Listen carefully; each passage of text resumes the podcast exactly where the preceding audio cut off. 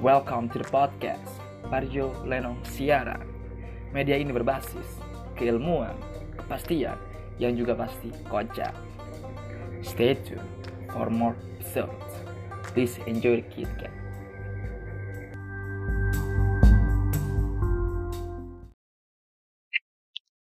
Oke. Pada podcast kali ini, sayang sekali kita nggak ada eh, Lenong. Yang kebetulan dia lagi sibuk mencari pekerjaan. Satu sisi dia juga mencari uang buat biaya kuliahnya sebagai mencari ilmu menjadi pakar-pakar tiap masalah yang ada di terjadi di dunia ini. Tapi tetap eh, pada podcast kali ini gue nggak mau ngebahas tentang eh, apa ya tentang masalah-masalah sosial sih tapi tentang musik yang di mana musik menjadi ya mungkin didengar sama setiap kalangan. Dan gue nggak kurang juga nih gue manggil salah satu eh, tamu narasumber gue yang berkecimpung di salah satu dunia musik juga. Itu ada juga namanya Ramzia. Halo Ramzia. Halo. halo Ramzi. Gimana kabar lo? Sehat Ramzi Alhamdulillah baik. Gimana nih? gimana di sana apa namanya corona corona sehat sehat semua Alhamdulillah. Siapa lah ya? siapa nih tuh corona, gimana gimana semoga tuh corona jauh-jauh aja deh. Ah. oh. Tapi tapi tapi tapi lu percaya corona gak sih Gue percaya sih. Gue percaya karena emang udah banyak yang kena. udah banyak kena ya tapi pernah kena lo Alhamdulillah jangan. alhamdulillah deh Alhamdulillah jangan. oke lu udah tau belum gua mau bahas apa nih kali ini Apa nih? gila gua pasti udah ngundang lu nih lu kan juga udah berkecimpung di dunia musik ya udah cukup lama sih kayaknya sih eh lu ya di dunia musik Iya. ini gua mau bahas Lama. tentang eh, manusia itu butuh musik tapi sebelum masuk ke sana gue pengen tahu lu dulu deh lu sebenarnya masuk ke dunia musik itu udah berapa lama sih Gue masuk di dunia musik tuh udah berapa lama lah ya dari gue SD. dari lu ya Ada Iya, gue SD udah kenal. Ya, mungkin 10 tahun lebih. Kayak udah lama banget sih. anjir 10 tahun gue, ya Iya. lu di dunia musik tuh pun di satu bidang atau lu nyoba-nyobain di bidang-bidang lain gak sih? Maksudnya kayak gitar kah, vokal, terus drum dan sebagainya gitu. Gue nyobain gitar juga, vokal juga iya, alat, musik lain, cuma lebih dominan ke biola sih, karena gue sekolah musik sekarang itu juga ngambilnya fokus ke biola, jadi yang lain-lainnya cuman kayak selingan aja sih kalau gue bosen main biola paling Gokil, gokil, keren sih anjing. Biola tuh kalau gue bilang jarang sih orang orang main biola tuh apa ya? Jarang sih paling di mana mana paling gitar, kalau enggak drum bass, gitar drum bass. Biola tuh menurut gua musik yang dibilang apa ya? Instrumental banget sih ya. ya kan ya? iya, tapi jangan ya guys, kalian semua jangan belajar biola karena pusing. Ya. Gila ya. Lu pun biola itu udah berapa lama tuh? 10 tahun juga tuh dari dari bener-bener dari awal banget. Ya awal banget iya gue SD Hmm. sampai sekarang. Dari lu SD. Ah, tapi sekarang ini lu lagi sekolah musik aja atau lu kuliah juga nih? gue sekolah musik juga masih sekolah eh, kuliah juga masih Kuliah, kuliah juga masih. Kuliah di mana sih? gue kuliah itu gue sekolah tinggi bahasa asing di Jakarta Nah, gue kira ambil tertarik di bidang musik juga. Kenapa kenapa nggak nggak tertarik lu? Maksudnya kan lu udah sekolah musik, terus lu mungkin kuliah Iya. pengen terjun ke musik lagi gitu. Apakah tuntutan orang tua gitu? niat awalnya sih gue kuliah juga bukan gitu sih gue udah sekolah musik terus gue Ah. pengen juga musik cuman gue mikirnya kayak apa ya enak sih memperdalam cuman gue Hmm. kayak lebih pengen ah gue pengen ambil yang lain deh biar kalau misalkan emang di musik ini ke depannya gimana gimana gue Hmm. masih punya lain gitu loh Hmm. jadi gue pengen kayak punya dua aja gitu tadinya pengen dua-duanya mau musik gitu sih Hmm. mikir takutnya kalau kuliah di musik gue pulang dari awal lagi gak sih belajarnya jadi makan waktu aja gitu jadi ya udah gue ambil Hmm. kuliahnya sekarang sastra Hmm. gitu Ya, berarti setidaknya lu punya multi talent lah ya, bisa musik, bisa bahasa juga ya kan. pengennya kayak begitu Ya, semoga sukses terus. Nah, tapi nggak lepas dari itu nih, mas gua tadi kan gue udah bilang judul itu manusia eh, pasti butuh musik lah. Lu, lu setuju gak sih statement gue kayak gitu? setuju banget lah Kenapa tuh? Kenapa? Kenapa? kalau nggak ada musik menurut gue ya kayak bosen banget sih hidup gue Hmm. nggak ada musik gitu kayak sepi banget nggak Ah. nggak ada warnanya karena Ah. menurut gue cuman musik yang tahu gak sih kayak kita tuh gimana Um, kalau lagi sedih atau lagi maksudnya Nah, benar benar benar. Lu tadi bilang tuh ada menyangkut-nyangkut dengan kesedihan. Tapi emang bener sih menurut gue karena orang tuh bisa jadi emosional gara-gara musik. Kayak ibaratnya nih, dia denger lagu galau misal dengan kondisi lagi galau. Bukannya dia berjuang untuk menghilangkan rasa galaunya, tapi dia makin galau dengerin lagunya itu loh. ya kan?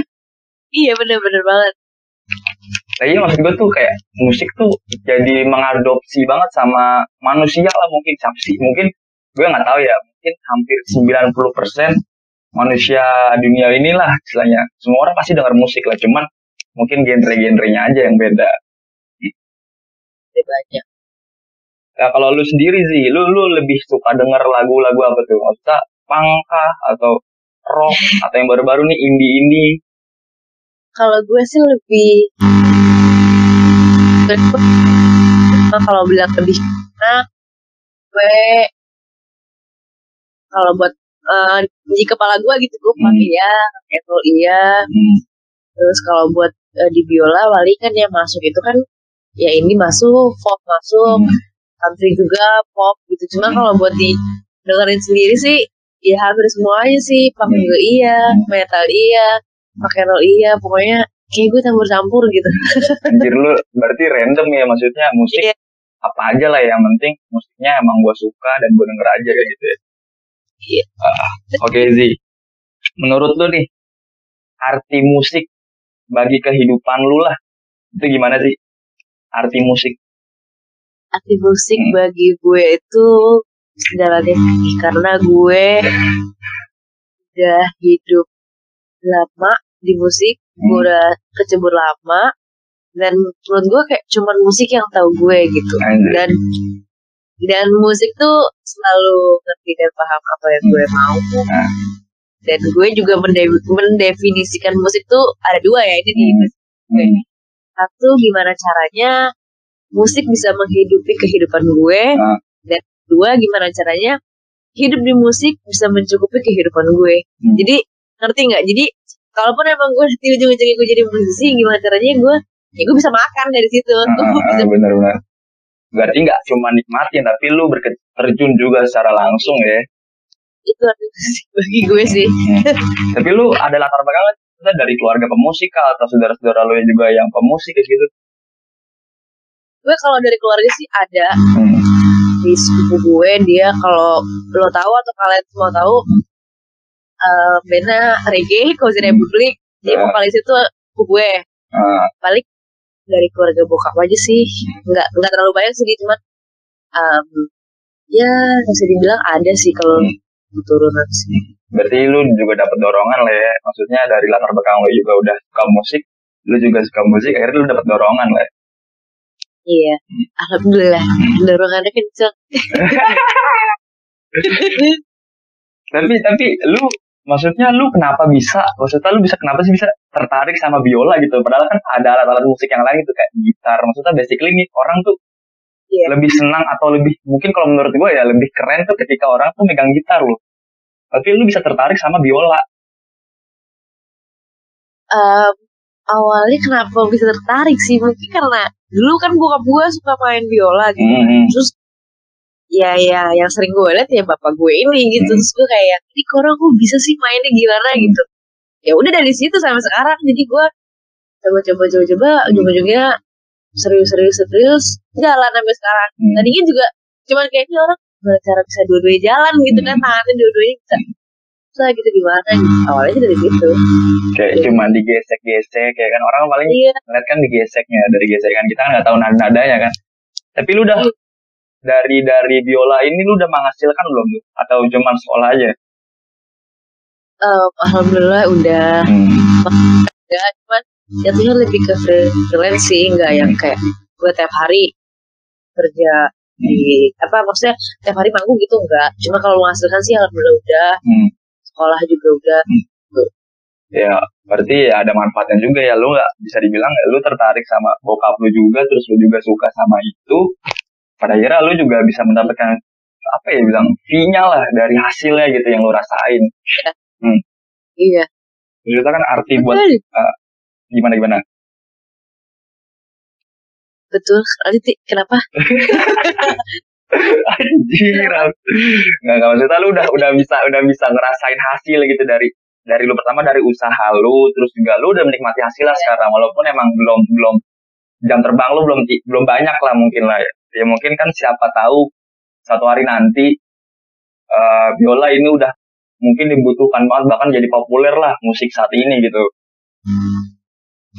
Cu, Iya. ah. jadi kan lu menyinggung nih kalau musik buat lu ini udah bisa menghasilkan kayak eh, ibaratnya udah udah diri gue banget lah. Pertama lu bisa jadi meng- apa bisa menghasilkan meneng apa menikmati terus juga lu bisa menghasilkan itu ya kan?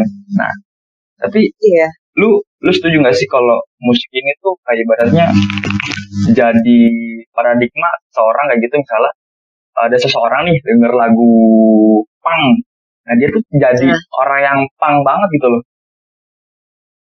Gue setuju sih. Ah, setuju dengan statement itu karena gua- karena gue ngerasain gitu loh di. Kayak gue suka punk metal atau Hmm. rock and roll gitu. Gue jadi kebawa kebawa gayanya gitu kebawa kayak gue suka nih style orang gitu kan. Eh keren gitu. Kalau gue sih setuju karena gue juga ngerasa kayak gitu Ngerasa gitu ya. ah. iya. Cuman banyak banget nih dari orang-orang yang jadi fanatik banget sih. Misalkan nih misalnya ya eh gue ambil contoh lu mungkin tahu le eh, salah satu basis dari Sex Pistol ya kan? Oke. Itu Sid Vicious tuh. Maksudnya dia kan Sid Vicious. ya oke. Sid Vicious tuh menurut gue salah satu apa ya eh panorama baru lah dari band punk Iya. yang bilang basis asal-asalan gaya yang nyentrik juga dan banyak mungkin eh pang-pang di luar sana yang apa ya fana bukan fanatik ya maksudnya mengikuti dia lah gayanya gitu maksudnya tapi tapi begitu fanatiknya sampai dari style dari Iya. gaya rambut dari da- cara dia bermain bass dan segala macam itu bener-bener segitunya banget loh sampai melupakan kayak satu hal kayak lupa ibadah lupa iya. sekolah. Yang pada akhirnya dia kayak mengambil sisi negatifnya padahal kan nggak mungkin dong. Padahal dia Iya. belum start terkenal kayak Sid Vicious gitu loh. Sid Vicious Iya. sudah ada ya pada mungkin ekonominya bagus saat itu. Cuman kan banyak orang-orang yang mengadopsi seseorang padahal dia nggak nyampe kapasitasnya dan terlalu berlebihan gitu loh. Iya. nah itu itu itu gimana tuh? Nanggepinnya yang kayak gitu. Kalau gue nanggepin kayak fanatisme fans Hmm. itu sih gue tanda kutip ya mereka akan rela melakukan apa pun demi idolanya dia bener gak sih Hmm, hmm, hmm. ya kan kalau menurut gue sih ya kita atau orang-orang di luar sana tuh harus wajar-wajar aja sih karena kalau misalnya kayak kebawa emosi dan fanatiknya juga bisa apa namanya eh, maksud gue kayak kalau dia kebawa emosi terus fanatik itu juga Hmm. bisa memper- memperburuk keadaan Ah. dia dong kan Ah. entah dia kebawa emosi atau mentalnya nggak kuat Hmm. karena menurut gue kayak kita sebagai fans atau orang yang fanatik itu tuh mentalnya harus kuat gitu sih Hmm. kayak ya gimana caranya biar kita tuh nggak kebawa arus kayak gitu Hmm. misalnya lo ngefans sama eh, sama siapa gitu Hmm, terus saking ngefansnya ini eh lo nggak tahu kalau misalnya dia tuh buruk apa enggak Hmm. seandainya lo tahu dia buruk terus mereka pasti auto ngikutin keburukannya dia dong Hmm. pasti atau ke bawah gitu kayak yang tadi lo bilang contohnya itu kan banyak orang yang iya. saking ngefansnya sampai ikut-ikut segalanya gitu tapi kalau gue sih nanggepin kayak gitu ya udahlah ya kayak ya udah gitu tapi kalau misalnya buat gue sendiri gue lebih kayak ya udah gue wajar-wajar aja sih Hmm. nggak mau yang kayak lalu gue ngefans sama orang ini tapi gue harus banget nih kayak gini gini Hmm. ya lebih ke netral aja sih Hmm. ngefans ngefans oke tapi bisa balancingnya sama Hmm. kehidupan lo aja gitu ya berarti emang maksudnya ya lu ngefans boleh gitu tapi ada batasannya gitu lo nggak mungkin penuhnya Iya. lu nggak harus kayak dia juga lah ada moral yang di mana dia nggak bisa ngejaga moralnya dia gitu artisnya gitu ya kan lu nggak bisa fanatik Iya. gitu cuman lu harus bisa bahwa oke dia suka gerang sih ya udah gue dengerin musiknya aja tapi nggak perlu sampai nyentrik segala seluruhnya gitu kan masa ibaratnya dia orang Kristen kita orang Islam harus pindah agama juga gitu. kan nggak mungkin kan gila. Iya nggak mungkin banget itu. Hmm. Ah, masa dia pakai narkoba dia harus pakai narkoba? Gila. Ya kan maksudnya ada batasan tertentu di mana lu lu menyukai seseorang yang tidak terlalu berlebihan. Ya misalnya kayak lu nih Zi. Lu nanti ya gua aminin deh semoga lu nanti jadi artis terkenal. Terus lu diidolakan Iya. kan. Diidolakan sama seseorang lah ibaratnya. Karena kepandaian lu main apa biola atau kecantikan lu dan sebagainya. Tapi lu di situ istilahnya lu jadi udah jadi tokoh publik lah.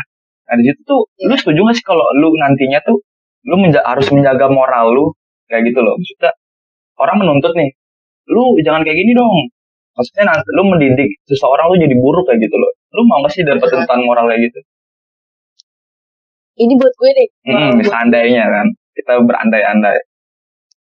Kalau gue sih kalau udah terkenal amin. Kayaknya sih jadi Ah. orang yang lebih ke apa adanya ya. Cuman cuman kalau orang tahu buruk baiknya gue gue lebih pengen orang lihat sisi lebih baiknya gue gitu. Hmm. kayak gue gak mau kayak kalau orang saking gue apa adanya terus sampai tahu gue harus nggak bisa tahu batasan ngerti gak sih? Maksudnya, kan banyak tuh sekarang yang ya dia apa ada apa adanya tapi menunjukkan sekali gitu kan. Dan kalau gue tuh apa ya masih mau menjaga itu sih kayak gue buruk tapi gue gak mau banget lah orang-orang tahu banget gue kayak Hmm. apa atau gimana jadi ya menjaga menjaga sih kalau gue Eh, tapi itu tergantung kayak gitu kalau Iya. gue Nah, tapi itu tergantung pada anda. Kalau misalnya lu mau eh, dari dari lu misalnya udah terkenal ini, kalau lu memamerkannya suatu hal yang keburukan, pasti kan secara otomatis fans fanatik lu nih misalnya gitu, jadinya mengikuti apa yang lu branding kayak gitu lo, yang lu lu apa, lu mediasikan kayak gitu. Berarti emang tergantung orangnya, tergantung nggak bukan gitu gimana ya? Gue juga bingung sih maksudnya setiap orang itu punya kebebasan kan tapi bukan berarti dia bisa diikuti maksudnya kayak gitu ya iya betul mungkin dia bisa lah yang maksudnya sebagai tokoh gitu juga bisa memerankan sebagai dirinya ya nggak menjerumuskan fansnya itu menjadi buruk kayak gitu ya kalau bisa sih iya lu pamer-pamer di media atau branding-branding ya hal-hal yang baik aja cuma kalau udah jadi tokoh kan biasanya banyak aja kan isu atau keburuk-keburukan yang Iya. dicari-cari sama orang gitu. Kalau ibarat kasarnya apa sih kalau kalau yang nggak suka tuh haters lah.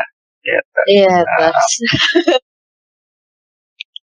Nah lanjut sih mas gua terus juga oke dari sekarang kan lu tau lah ini tadi udah kita ngomongin Vicious itu kan udah musik yang ibaratnya lama banget ya. Maksudnya Iya. tahun berapa itu? Tahun 70 80 mungkin. Ya kan Iya. Sid nah lu kan udah udah paham lah maksudnya beberapa musik dan lu udah denger random mungkin dari rock pop rock dan sebagainya gitu. Iya. Bahkan nah maksudnya lu kan udah tahu nih sekarang nih musik ini udah globalisasi banget udah modern lah. Dari tahun 60-an isinya mungkin kayak model-modelan Queen terus Iya. apalagi apa The Beatles dan sebagainya terus ada yang 70-an kayak tadi kan Sid Vicious dan sebagainya terus 90-an ada eh, apa sih namanya Nirvana terus iya Red Hot Chili Peppers terus apa lagi ya RATM terus 2000 udah Hmm. udah banyak lah kayak Peter Pan terus lagi ada banyak lah pokoknya MCR dan sebagainya gitu iya itu kan berarti kan udah banyak perubahan ya dari Banyak segi musik sekali. nah hmm. Iya. menurut lu tanggapan lu sih maksudnya tanggapan lu dari segi perubahan ini loh maksudnya bagaimana orang mendengar musik itu sekarang jadi begitu trending atau gimana menurut lu menurut gue sih kalau tanggapan dari era 90 ya Ah. sekarang Ah. ini 2000 sampai sekarang maksudnya itu menurut gue sih ya pasti makin maju lah ya Hmm. orang tapi orang malah makin balik ke belakang sih kalau gue lihat kayak era 90-an itu kan industri musiknya kayak mulai kencang, mulai bebas Ah. gitu. Terus akhir 90 kayak mereka mulai kenal musik global, kayak ada MTV segala macam Hmm. gitu yang gue tahu. Terus kayak dulu 2000-an sampai sekarang sih kayak referensi sumbernya makin kuat aja sih. Hampir semua hampir semuanya tuh polanya sama sih kalau yang gue perhatiin gitu. Apalagi kan kalau buat era sekarang kan buat musik sendiri juga udah gampang banget kan. Pakai Hmm. software juga udah banyak. Hmm. Lo gabut juga itu juga pasti bakalan jadi gitu sih. Udah lebih universal parah sih kalau misalnya gue ngeliat dari segi era gitu ya. Hmm. Sebenarnya sebenarnya tapi sama aja sih, cuman mungkin ininya aja lah ya. Secara teknik teknik-tekniknya aja kayak Hmm.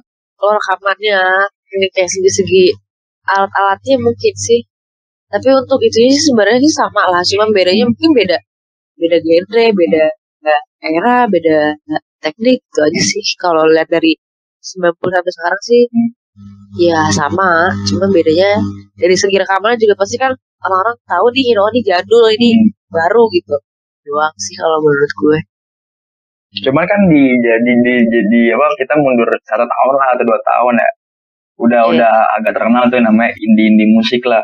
Mungkin Iya, indie folk. uh, ya, indie folk gitu kan model-modelan kayak Diseranti, terus em, apa Fish, terus dan Iya. apalah Reality Club gitu-gitu nah. Itu kan menjadi apa ya istilahnya populer juga gitu di saat ini. Nah, menurut lu dari segi lagu-lagu mereka itu gimana sih dibandingkan di tahun 90? Maksudnya lebih lebih lebih mana ya? Lebih asik yang mana gitu loh maksudnya dibandingkan tahun 90 sampai tahun 2000 ya sekarang lah 2018-an lah. Eh, menurut gue indie, indie folk Ka- karena gue karena gue udah eh, bukan udah sih maksudnya Hmm. gue termasuk orang yang penggemar folk Hmm. folk jadul atau folk, folk sekarang gitu kalau gue ngeliat bedanya sih folk jadul atau sekarang sebenarnya kalau folk sih gitu aja lah ini Ah. kan mirip-mirip ya kan Ah. jadi sama mirip-mirip folk ya kalau bisa dibilang bagus dulu atau sekarang sih eh kalau gue lebih prefer ke dulu karena Hmm. menurut gue uh, folk dan indie eh, apa apa folk folk zaman dulu itu lebih apa ya lebih natural aja sih gitu kan terus sekarang jadilah di gitu Hmm. kayak apa namanya secara lirik juga kan kalau dulu kan kalau folk tuh ya lebih kayak desa atau desa dirinya sendiri kan kalau sekarang kan liriknya lebih bebas aja kan kalau misalnya kita tahu gitu lirik indie folk gitu kan sekarang udah yang lebih berani aja sih lebih kayak kritikus banget gitu kan orang-orang udah pada berani Ya maksudnya Gitu. berarti kan semakin laun ya, semakin lama nih eh, di musik itu aja udah udah masuk ke kritikan secara satir lah Iya. bisa dibilang. Kayak dari yang gue tahu tuh lagunya siapa ya? Diseranti tuh ada yang namanya judulnya tuh kalau nggak salah bahaya komunis itu kan udah satir banget tuh. Udah iya ngomongin komunis lah kita nggak tahu mungkin makna lagunya menolak atau membahayakan salah satu komunis gitu kan. Iya. Itu kan satir maksud gue. Tapi lu seneng gak sih maksudnya sama-sama musik-musiknya gitu maksudnya sama satir maksudnya kan lu tau lah kondisi emang kondisi politik di Indonesia ini kan lagi rentan banget ya maksudnya demokrasi yang bisa dibilang udah rezim ya maksudnya rezimnya kalau gua bilang bisa dibilang otoriter lah itu Iya. jadi udah banyak-banyak bukan udah bukan kritikus aja yang turun tapi bahkan musik-musik itu udah mulai mengkritik ya gitu loh lu lu lu, lu senang gak sih sama orang-orang yang maksudnya mungkin bisa dibilang atau lu bakal ngelakuin hal itu gitu gue seneng kok karena gue pengalaman sih hmm. dulu gue pernah punya satu band Hmm. ya memang liriknya memang kayak gitu Hmm. cuman ya kalau kalau gue pribadi sih karena pengalaman ya kayak lebih ke berani beranian aja sih Hmm. karena kan ya lo tau sendiri kalau ada lagu yang menyimpang kan juga kan Hmm. sekarang kan ribet gitu kan tapi ya gimana gimana kita bisa ngatur polanya aja sih gitu ya berani beranian aja sih Hmm. pede pedean aja mau Pede-pedean aja ya. lirik-lirik. ya ya yang penting jangan mengandung unsur sara lah kayak gitu Iya. nah tapi lu sebelumnya tahu lo sih RUU RUU apa permusikan yang sempat viral tuh. Eh, tahu sih gue Ah. RU promosikan ya sedikit coba. Eh, yang gua tahu kan uh, retro kan tuh mengenai tentang plagiat gitu loh. Maksudnya kita tuh nggak boleh uh, branding kalau misalnya kita kayak plagiat gitu. Maksudnya ibaratnya nih gua cover lagu Iwan Fals terus gua branding. Nah itu tuh ada ada ininya lah ibaratnya ada hukumnya. Ya pada akhirnya kan ditolak kan. Maksudnya kan orang punya segmen gitu loh emang menciptakan lagu nggak semudah gitu. Cuman kan banyak orang pengen cover cover aja gitu kan. Lu lu lu gimana tanggapan lu terkait RUU itu tapi emang itu udah agak basi sih tapi tanggapan lu sama RUU itu kayak gimana? Kalau tanggapan gue ke RUU sih kayak ya tadi lo bilang sih karena gue cuma sedikit tahu sih bukannya bukannya ta- bukannya gak ngikutin cuma Hmm. tahu gitu Hmm. cuman gue tuh lebih ngeliat kayak gue uh, bold notice omongan lo yang ini ya apa plagiat kayak Hmm. misalnya YouTube deh jadi waktu itu gue pernah sempet dapet kayak podcast kayak gini juga buat Hmm. album gue gitu kan terus dari pihak dianya kayak bilang kalau misalnya kita nggak bisa Kak, masukin ke YouTube segala macam karena udah udah nggak bisa gitu jatuhnya udah masuknya ke plagiat apa segala macam nah dan buat di cover pun juga nggak bisa gitu kan. Nah sebenarnya yang gue ngasih sih ya lebih ke itu doang. Maksudnya ya kita kan bermusik kan harus apa aja ya. Maksudnya nggak nggak harus harus begini-begini kita nggak boleh cover atau plagiat atau segala macam gitu kan. Lah gue punya album untuk dia mau gue lagunya di cover dong. Pasti kan gitu orang mikirnya kan. Hmm. gue punya lagu pasti pengennya orang-orang nyanyiin lagu gue kan Hmm. nggak mungkin enggak paling gitu doang sih kalau Hmm. kalau gue setuju dari Hmm. RUU ya maksudnya berarti kan ya setiap orang juga punya kebebasan lah ya untuk bermusik Iya, mau itu cover atau enggak lu kalau boleh tahu lu udah terjun ke band mana sih sih udah punya band apa sih gue kalau dibilang terjun sih gue kalau untuk dunia band personil tuh sebenarnya nggak terlalu nggak terlalu sering sih lebih kayak freelance aja. Kalau kalau misalnya band lain mau pakai biola oh gue oke gitu. Cuma kalau tanya band dulu gue dulu sampai sekarang eh, satu manajemen sama Tony Kira Safara kalau tahu kalian semua tahu. Ah. terus sering main sama Om Tony juga. Terus Om Tony eh, bikinin satu band. Itu namanya Combo Digital. Nah itu udah rilis juga dan liriknya yang tadi gue bilang lirik liriknya beribadah dan kritikus banget politik banget deh gitu. Untuk album gue yang apa band gue yang itu. Terus yang baru yang sekarang ini yang baru banget rilis gue November kemarin. Maaf ya guys kita jadi promo. Selalu selalu baru rilis November eh November kemarin ya kalau nggak salah November kemarin. Itu genrenya bisa dibilang alternatif lah ya. Alternatif. Gue gak tahu itu bisa dibilang pop atau bukan tapi banyak sih menurut gue kayak campur-campur aja gitu yang band gue yang sekarang yang ini. Namanya Mi- Mile Ma- Mile Band. Itu genrenya ya orang-orang sih nangkepnya itu pop sih Hmm. lah pop ya untuk genre-genre sekarang lah ya. Gokil berarti lu udah itu. eh, berarti lu udah terjun ke banyak eh, istilahnya banyak wadah juga. Maksudnya kayak dari tadi lu udah main sama Tony Ki terus dibuatin band Iya. juga. Namanya apa tadi tuh Em, cowboy digital. Cowboy Digital. Terus lanjut lagi ke Mile. Itu di genre apa tuh? Eh, tadi alternatif tadinya. pop ya kan? Itu yang gue tahu tuh Tony Ki tuh reggae kan? Iya Ah, itu Cowboy Digital itu juga reggae juga? Cowboy digital tuh country reggae. Country reggae, Reggae juga. anjing berarti lu emang udah bisa main di apa aja maksudnya?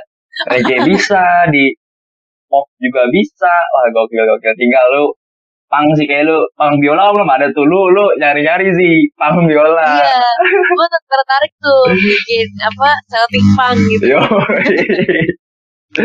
pang biola kan sih misalkan kayak lu anggaplah asal-asalan ya kan baju rombeng-rombeng kayak istri Kurt Cobain Iya. tuh ya kan Courtney Love Nah, Iya. Nah, gue tertarik sih bi- oh. mau ikut apa namanya ngisi biola di punk karena kita promosi lagi ya guys karena, ya Bokin Eu Hmm. kan bandnya kan punk Ah. hardcore punk Ah. gitu. gitu terus gue kayak tertarik kayak aku yuk pengen dong eh, main di band kamu gitu gitu segala macam kan genre baru gitu kan ya gue jarang main gitu tertarik banget pengen gue kayak bisa lah beberapa slot gue masuk gitu kan ya jangan pengen gaya aja gue bisa main Hmm. Biola tuh ada punknya gitu gitu doang. Iya. mungkin kalau misalnya lu masuk ke pang tuh yang musik mungkin itu gaya baru sih dari musik gitu loh. Iya. gue juga gue belum tahu sih kalau ada ada biola yang terjun di pang gitu loh di genre pang gue belum tahu. Cuman kalau misalkan lu terjun di sana mungkin lu salah satunya yang gue tahu. Anjing. Tapi tapi ngomong bokin lu aja udah musik juga ya udah punya band juga lagi. Iya, gila. Alhamdulillah. Baru baru Ah. Baru punya. oh, baru juga ya maksudnya gokil ya. Itu kalau betul genre apa tuh sih Hardcore punk. hardcore punk. Cing, Iya. pada punk reggae. Gila lu nanti kalau punya anak eh, suruh juga bikin genre baru sih ya kan? jadi keluarga pemusik sih keren-keren anjing. Ya maksudnya gokil juga lu ya. Maksudnya ibaratnya lu udah punya bokin yang musik juga. Gila lu juga terjun di musik gua nggak ngerti lagi dah maksudnya bokin lu punk lu juga terjun di reggae sama di pop ya maksudnya basically lu lu bisa bisa bisa apa ya tuker-tuker apa ya pemikiran lo maksudnya Iya. dari Heeh. musik kayak gini gimana diskusi lah bareng asik sih keren sih gitu Cuma nih, misalkan nih dia Iya. eh, dari titik maksudnya kan udah banyak nih. Yang di mana menurut lu nih, buat jadi terkenal itu susah nggak sih semakin sekarang? Kalau dulu kan, lu punya basic jago, lu bisa di di branding sama orang gitu buat masuk ke label atau lu nawarin sendiri. Nah sekarang kan, lu bisa ikut audisi, ada yang namanya Indonesian Idol, terus X Factor dan sebagainya, terus juga ada YouTube, lu bisa nge-branding situ. Nah, menurut lu lebih enak dulu atau sekarang sih buat lebih memudahkan kita untuk terkenal?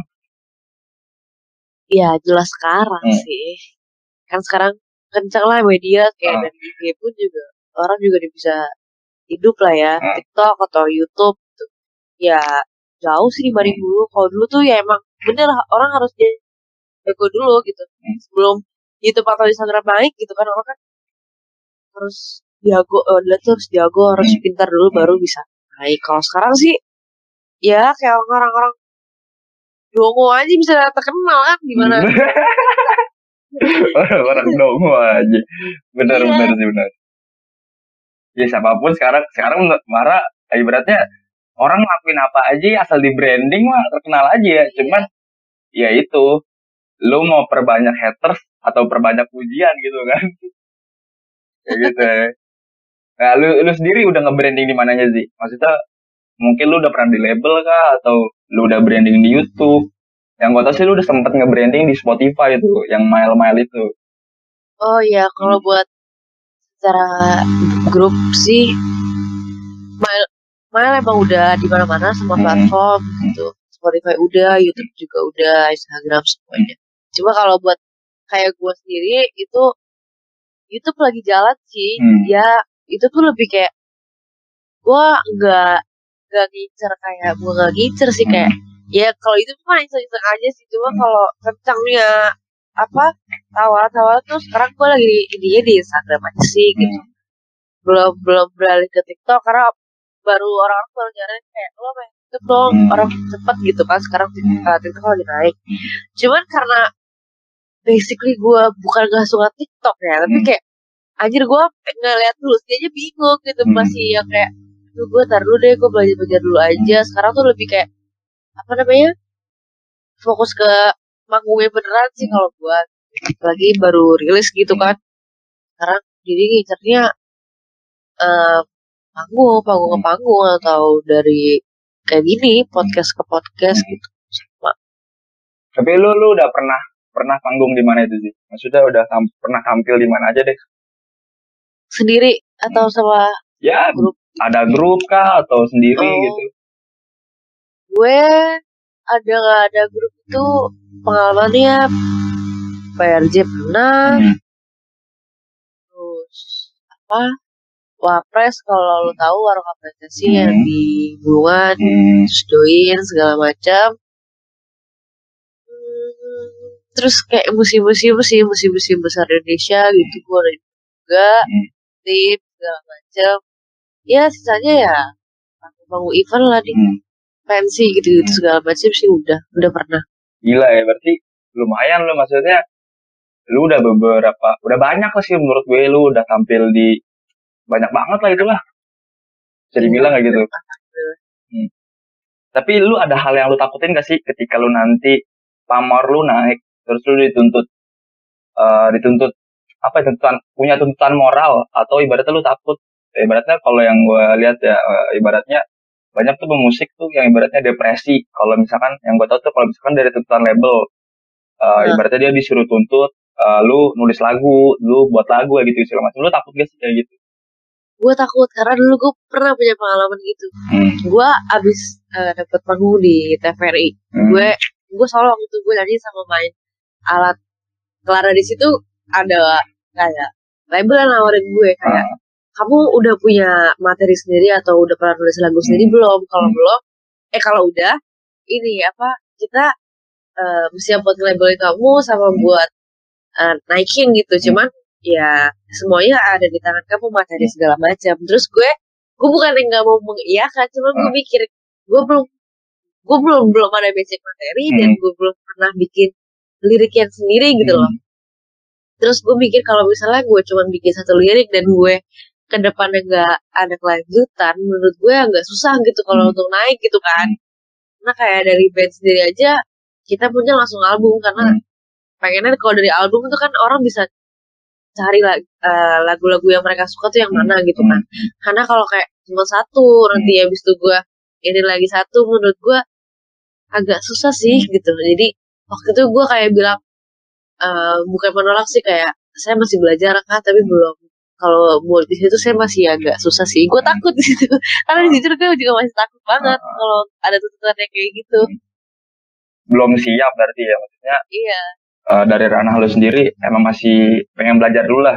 Tapi emang lu sendiri pernah nggak sih buat nulis lagu iseng-iseng gitu loh? Atau ibaratnya eh, emang lu senang lah nulis-nulis lagu gitu. Kan lu sebagai sebagaimana lu juga turun di dunia musik ya gitu gue nulis nulis sih iseng-iseng sih pernah ya. Hmm. cuman ujung-ujungnya gitu kalau nulis. Jadi kalau misalnya lagi mood ke bawah-bawahnya ah anjing gitu udah gue tinggalin gitu loh. Jadi kayak cuman berapa bait Hmm. sampai ref udah. Terus nanti bawahnya apa ya kok nggak nyambung sih? Males gitu loh. Jadi ya gue buruk-buruknya gue tuh gitu. Jadi kalau ngerjain sesuatu yang kayak menurut gue awalnya mood gak mood susah gitu. Gue emang gue kalau di di apa pun gitu kalau lagi latihan atau, atau lagi ngapain ya kecuali manggung gitu Hmm. kalau emang dari awal mood gue jelek itu ke belakang bakalan jelek gitu. jadi gue ngumpulin mood gue yang enak buat latihan atau buat apa namanya kayak buat perform juga emang gue ngumpulin mood tuh dari jauh-jauh hari karena Hmm. kalau emang mood gue udah jelek gitu kayak apa pun pasti jelek semua gitu kalau gue Ya. Kalau pernah nggak sih lu entah lu pernah nggak lu kan berarti ya meng- mengondisikan mood juga. Tapi lu pernah nggak sih lu misalkan nih lu mau manggung di saat itu juga misalnya ada salah satu kejadian gitu misalnya gitu lu lagi galau kah? Maksudnya galau ini nggak bisa spesifik kayak percintaan tapi galau entah ada masalah keluarga atau percintaan dan sebagainya itu tapi lu di situ mau manggung terus lu lu nanganin itu gimana tuh? Cara menanganinya itu. Gue pernah sih ngerasa itu kayak ya galau jujur ya. Ah, galau terus kayak posisi emang Hmm. hari itu mau manggung gitu Hmm. cuman ya lebih kayak profesional aja Hmm. di depan manggung ya lebih ke fake jatuhnya gitu kan Ah. gue lagi galau begini Ah. tapi gue hahaha hihi gitu jadi ya lebih ke profesionalnya aja sih kalau gue ya ya masa orang harus tahu kalau misalnya gue lagi bete gitu sih lebih kayak gitu aja kalau Hmm. kalau manggung cuma kan kadang kondisi hati itu emang nggak bisa bohong ada ibaratnya orang manggung lagi mulai galau yang bisa cengah cengesan nah galau cemberut doang ada kayak gitu ya kan? Kita nggak tahu ya kan? iya. Gue juga pernah kok. Lu pernah kayak gitu? Pernah kayak gitu juga. Gila sih itu, iya. eh, itu kan itu kan jadi mungkinnya orang nggak tahu emang keadaan lu kayak gimana cuman kan penonton atau bahkan label atau sud- apa produser ngeliat lu tuh kayak anjing nih orang niat main gak sih? Maksudnya pandangannya akan eh eh, apa sih namanya kualitas lu aja cuman nggak mandang secara lu lagi gimana kondisinya gitu loh. Ibaratnya eh kayak ya mungkin orang-orang yang terkenal gitu kayak bisa dibilang orang-orang yang depresi kan. Pemusik itu kan lebih terkenal karena depresinya. Kayak Kurt Cobain itu kan salah satu orang yang mungkin bisa dibilang depresi kan. Cuman Heeh. ya label pengennya lu cari duit cari duit cari duit. Nggak ngerti kondisi dia cuman ya pada akhirnya terjun ke narkocoy ya kan. Nyuntik. Nyuntik obat-obatan nah lu lu tak lu takut emang kayak gitu eh, dunia musik yang gelap itu ya Hmm. ya gimana ya ya dunia musik kan sebenarnya orang-orang juga memahaminya nggak jauh-jauh Ah. dari situ kan Ah. gelapnya Heeh. identik dengan malam segala macam tuh cuman kalau gue nanganinnya kayak ya ya gimana ya gue pernah ngeliat itu depan mata gue sendiri Hmm. gitu apalagi kan gue reg- pernah reggae juga gitu Ah, Cuman Lu, ya, lu pakai nggak tuh? Hah? Lu pakai nggak tuh? alhamdulillah sih enggak ya itu gue gak punya kelihatan kayak vulgar aja gitu Eh, ini nih aduh gue gak mau deh eh, tapi apeng banget ya. ya, gitu apa Tapi apeng banget ya. Gue pengen banget ya kayak ada anjing. Aduh kalau gelap-gelap gitu sih Hmm. lebih kayak gimana cara gue ngontrol aja sih gitu soalnya gue mikirnya kalau emang sekali udah kecebur ya Hmm. ribet gitu Hmm. ribet banget buat ngudahin dia emang Iya. sih banyak orang yang bilang kalau kayak gituan tuh menginspirasi apa segala Hmm. macem gitu kan tapi ya gue lebih kayak mikir aja gue cewek gitu mikirnya gue cewek terus mikir keluarga juga jadi ya kalau untuk yang lebih ke narkoco gitu ya? Hmm. gue emang enggak sih enggak enggak enggak, enggak. gue jauhin aja. Gue bukan gue jauhin ya emang sering ngeliat gitu. Cuman kalau buat diriku sendiri ya lebih berjarak aja sih gitu gue bisa ngontrol. Ya udah oh, biar orang lain aja. Ya maksudnya ya maksudnya gimana cara diri lu aja ya? Ya menahan lah nahan nafsu itu.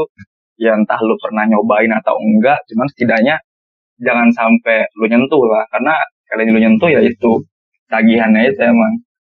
Iya. Ya kayak kecuali lu di Amerika kayak Wiz Iya. Khalifa. Wiz Khalifa kan ya gimana ya kan lu? Ya iya. nggak gele. Iya. Pemusik juga iya karena saya di sini kan nggak bisa gitu loh. Ini negara hukum nggak bisa dibilang kayak Amerika gitu. Cuman kayak banyak sih kalau bilang mungkin ya gue nggak tahu ya mungkin banyak pemusik Indonesia yang mau pakai gituan emang bener-bener karena dia tuh depresi banget gitu loh maksudnya. Iya. Entah tuntutan moral entah tuntutan dari branding musiknya yang harus manggung-manggung-manggung ya kan? Terus juga iya. ya maksudnya banyak masalah-masalah yang emang nggak diketahui sama banyak orang yang pada akhirnya dia terjun ke itu kayak slang lah. Lo tahu slang kan dulu kan wah gila mungkin kan itu. Iya. Nah, maksudnya mungkin banyak Asli. hmm, maksudnya juga orang tua orang tua kan kayak ibaratnya menjadi konservatif lah. Akan musik tuh kalau ah musik ini begini kalau musik ini haram dan sebagainya gitu. Tapi lu lu kayak gitu gak sih sama orang tua lu? Apa lu didukung ya enggak sih. Kalau orang tua gue cuma kayak Iya mendukung cuman ya ya takutnya banyak gitu loh kayak Hmm. kamu tau lah di musik segala macam jadi bukan cuma sekedar dunia gelap ya kayak hmm. apa namanya eh, banyak orang yang nggak nggak jadi di musik gitu. Hmm. jadi banyak sih kayak ya ujangan-ujangan orang tua gimana sih gitu cuman gue nggak pernah dilarang sih kalau yang kayak mau manggung atau Hmm. gue main bola pos segala macam sih nggak pernah gitu makanya kayak alhamdulillah kayak sampai bisa mau di sekolah musik tuh menurut gue udah support banget Hmm, hmm. Yang penting transparansi lu aja kabar sama orang tua lu ya kan. iya Oke Zi, gue mau ke segmen selanjutnya nih. Kita udah ngomong ngobrol banyak lah terkait musik nih. iya Ya mungkin lu salah satu batu loncatan buat teman-teman di luar sana.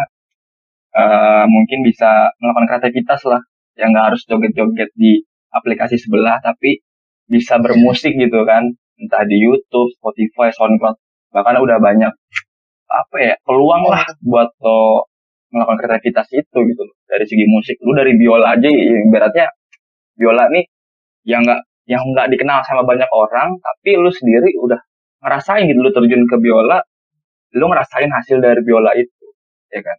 Apa? iya. Oke sih selanjutnya nih gue ada berita.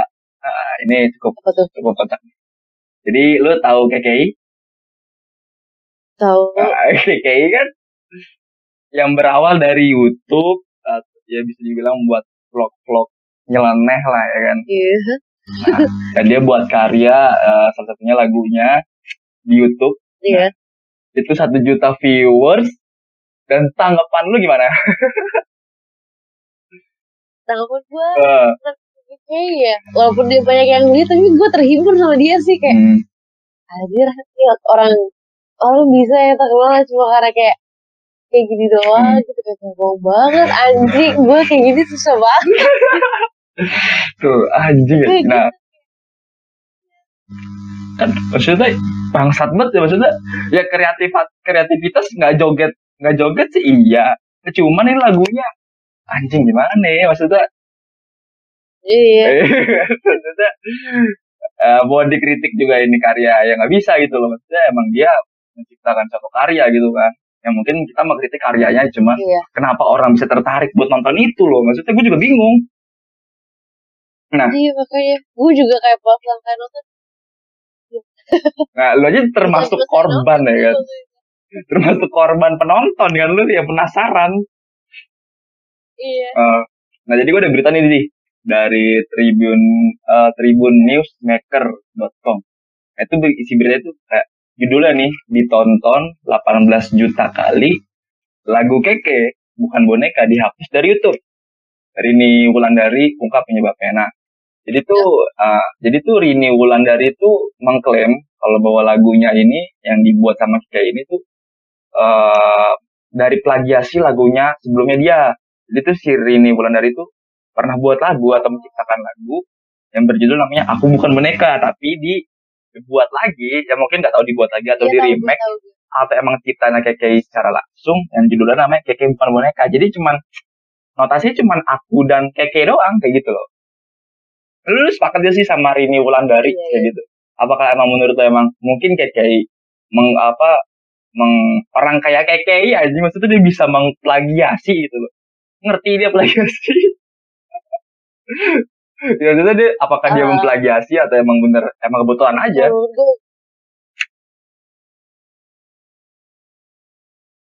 gimana?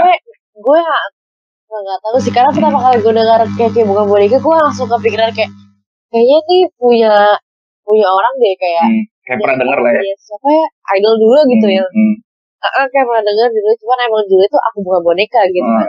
Ini gue mikirnya ini memang apa emang cuma sekedar judul sama atau apa kayak gimana gitu. Cuma gue nggak pernah lihat kayak liriknya mereka kayak gimana sih. Cuma Hmm. kayak dari segi judul aja sih. Hmm. first impression gue nonton kayak kayak gitu. Cuman kalau gue dibilang studio atau enggak sama yang punya lagu aslinya si Kari ini itu mungkin gue bakalan mikir kayak jadi dia sih karena ya mungkin dari segi judul gitu loh. Hmm, ini maksudnya apa sih gitu? Ini mungkin ini kayak gitu. Jadi dia mengklaim kayak harus dihapus hmm. ditarik gitu videonya.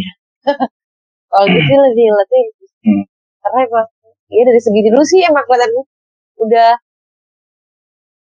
ganti. Itu menurut gue bisa salah satu yang bisa dibilang plagiat sih. Plagiat ya ya ganti tanpa izin gitu lah ya Nah, tapi kalau misalnya eh misalnya gitu ya. Ini kan mungkin eh dia kan udah melakukan kreativitasnya gitu loh. Maksudnya menciptakan lagu ya emang iya maksudnya kita nggak tahu itu benar-benar plagiasi atau enggak gitu loh. Ya mungkin bisa dibilang ada beberapa lirik atau bahkan cuman aku atau kekenya doang gitu diganti. Cuman kalau seandainya emang ada beberapa band nih, eh, misalkan kita anggaplah ada eh, yang gue pernah dengar sih terkait lagu siapa ya? Ah, ada pokoknya jadi yang tapi dia nggak liriknya emang beda sih, cuman Ya. nadanya itu gue lupa kata gue mau jemput juga di akun. nah, itu lagunya itu bisa Iya. dibilang eh, satu band di hampir sama nadanya aja sih nadanya, cuma liriknya beda, nadanya di mirip sama satu band. Nah, tapi ya emang dari kedua belah pihak sih nggak ada masalah, cuman dari pendukung-pendukung maksudnya fans-fansnya ini kayak mengklaim kalau ibaratnya band yang ini lu lu memplagiasi nih kayaknya nih. Maksudnya apakah eh, ketika seseorang membangun atau membuat gitu loh, membuat suatu lirik atau sebuah lagu gitu yang pada akhirnya kita nggak tahu oh ternyata ada yang sama sama lagu yang sebelumnya ada di, yang ada gitu. Apakah apa emang apakah bisa gitu? Maksudnya lu sepakat gak sih kalau emang orang apakah nggak boleh gitu loh maksudnya orang kan nggak tahu gitu. Gue sih sepakat sih karena ya sekarang banyak kok nada-nada. Ya sekarang istilahnya kalau dibikin nada kan pasti luas hmm, mungkin orang orang bikin lagu pikirnya oh ini maksudnya sebenarnya ke sini Hmm. gitu. Walaupun dia pikirnya emang udah ada bandnya uh, bikin nada kayak gitu Hmm. gitu kan. Cuma kan pasti kan nggak semuanya sama sih. Kalau Hmm. gue sih kalau untuk segi band sih gue ngeliatnya gue setuju Hmm. kalau untuk perihal itu. Karena emang jujur bikin ada tuh susah gitu kan Hmm. jadi mungkin dia merasa oh dia masuk ke sini gitu atau memang kalau emang dua-dua band band itu gak ada masalah sih ya nggak apa-apa kalau kata gue karena emang banyak banget kan kayak lu nyari satu lagu Hmm. bisa nyambung ke nada yang mana aja bisa nyambung ke Hmm. lagu siapa bisa Hmm, ke hmm, siapa mungkin gitu kan Hmm. pasti pernah kan nyambung nyambungin Hmm. lagu itu ya maksudnya bukan pasti lu bisa itu bukan sewenang-wenang juga kan seorang bisa mengklaim Iya. bahwa ini kesamaan. Ya kalau bisa sih apa ya ya ada hukum ada hukum kali ya mungkin gua nggak tahu juga lah kalau bisa ada hukum. Oke Ji Eh, di terakhir nih. Terakhir lu boleh deh lu memperkenalkan lagu lu atau lu sedikit sharing lah sama teman-teman tentang lagu gitu loh karena kita di segmen terakhir ini biasanya sih kasih-kasih request lagu aja. Eh, jadi gue mau kenalin. Sebenarnya telat banget ya. Eh, gue sebenarnya eh, sebelumnya gue mau kenalin diri dulu deh gitu. Kalau kalian sebelumnya udah tahu Eh. gitu. Jadi setelah hari ini gue mau kenalin lagi kalau gue Ramzia gue bisa dibilang gue sebagai musik anjir dulu gue juga mau kenalin eh, album band gue yang baru rilis bulan November kemarin. Itu eh, nama bandnya Mile Hmm. dengan debut album yang berjudul ceritakan cerita. Kalian bisa dengerin di semua platform musik kesayangan kalian. Spotify, Joox, eh, apa iTunes, YouTube segala macam udah ada. Hmm. dan bisa dicek juga di Instagram namanya Music Mile M E M Y L E. Bisa dicek Um, dan bisa dibilang emang itu band baru gue Hmm. yang benar-benar baru rilis dan hitungannya singkat banget gue gue rekaman itu sekitar bulan September sampai Oktober. Hmm. dan kita mutusin buat rilis di bulan November dan di era pandemi seperti ini. Jadi ya harapannya kalian bisa suka aja sih bisa banyak yang denger Hmm, gitu. Kalau gue sih semua ya kalau gue sama anak prinsipnya kayak ya udahlah kita bikin karya mau ah, nanti jadinya besar atau nggak besar ya itu Hmm. kan semua udah udah ada jalannya yang Hmm. penting ya udah itu udah jadi sebuah karya Hmm. udah bisa sesuatu yang bisa didengerin sama orang menurut gue itu udah udah suatu achievement diri sendiri aja Hmm. gitu udah suatu kebanggaan sendiri gitu paling itu aja sih kalau misalnya kalian mau tahu tentang gue gue belum yang banget banget siapa-siapa gitu. Hmm. cuman eh, kalau kalian punya sesuatu yang kalian istilahnya butuh gue bisa lihat di IG gue IG gue namanya AYZMR AYZMR atau di balik doang itu namanya Ramzia cuman gue balik Hmm. doang namanya sering di IG gue. Bisa dilihat ya gue berantakan ya udahlah itu gue kali kalau misalnya kalian semua pengen tahu gitu. Ini sih yang ngomong gitu kan bisa dilihat oke sih. Tiga judul lagu dari Mile. Tiga judul lagu dari Mile. Yang Ah. pertama ada arah. Yang kedua botani. Yang ketiga di antara resah dan jarak. Oke. Pertama arah botani di antara resah dan jarak. Iya. oke. Terakhir banget closing statement. Oke. Terakhir satu kalimat atau satu statement buat pendengar podcast ini sih. Closing statement, eh, statement lu tentang eh, buat pendengar podcast ini. oh buat pendengar podcast Ah. oke jadi buat pendengar podcast ini ini menurut gue podcast yang um, layak untuk didengar um, sangat edukatif juga edukatif sekali ya Jadi bisa membahas dan korek-korek Hmm. banyak hal bukan cuma musik yang mungkin ke depannya di yang segala macam gitu. menurut gue ini sesuatu hal yang kreatif sih jadi kita bisa menemukan ide-ide banyak di sini kali aja kan di podcast ini habis ini gue band gue bisa ada yang manggil atau apa Anjing. mudah-mudahan. Amin, amin, amin. Gila, gila, gila. ya, oke. sih. Closing statement dari gue. Ya, semoga teman-teman di luar sana tetap manusia itu butuh musik nggak butuh makan nggak butuh hidup apa nggak butuh minum tapi butuh musik. Tanpa musik manusia nggak bisa hidup. Anjir, kok serius Betul banget sih Yaudah, thank you sih, sukses terus. Semoga karir lo Karir lo melonjak terus lah. Siapa tahu lo udah tampil-tampil di Dipanggil-panggil sama Indonesian Idol Dan tampil-tampil di pensi-pensi Kayak Jack lo Terus di ya, apa yang tampil-tampil gede lah Semoga lu udah pernah Semoga terjadi sama lu lah 30 tour kota sih minimal lah Atau negara kan Ren.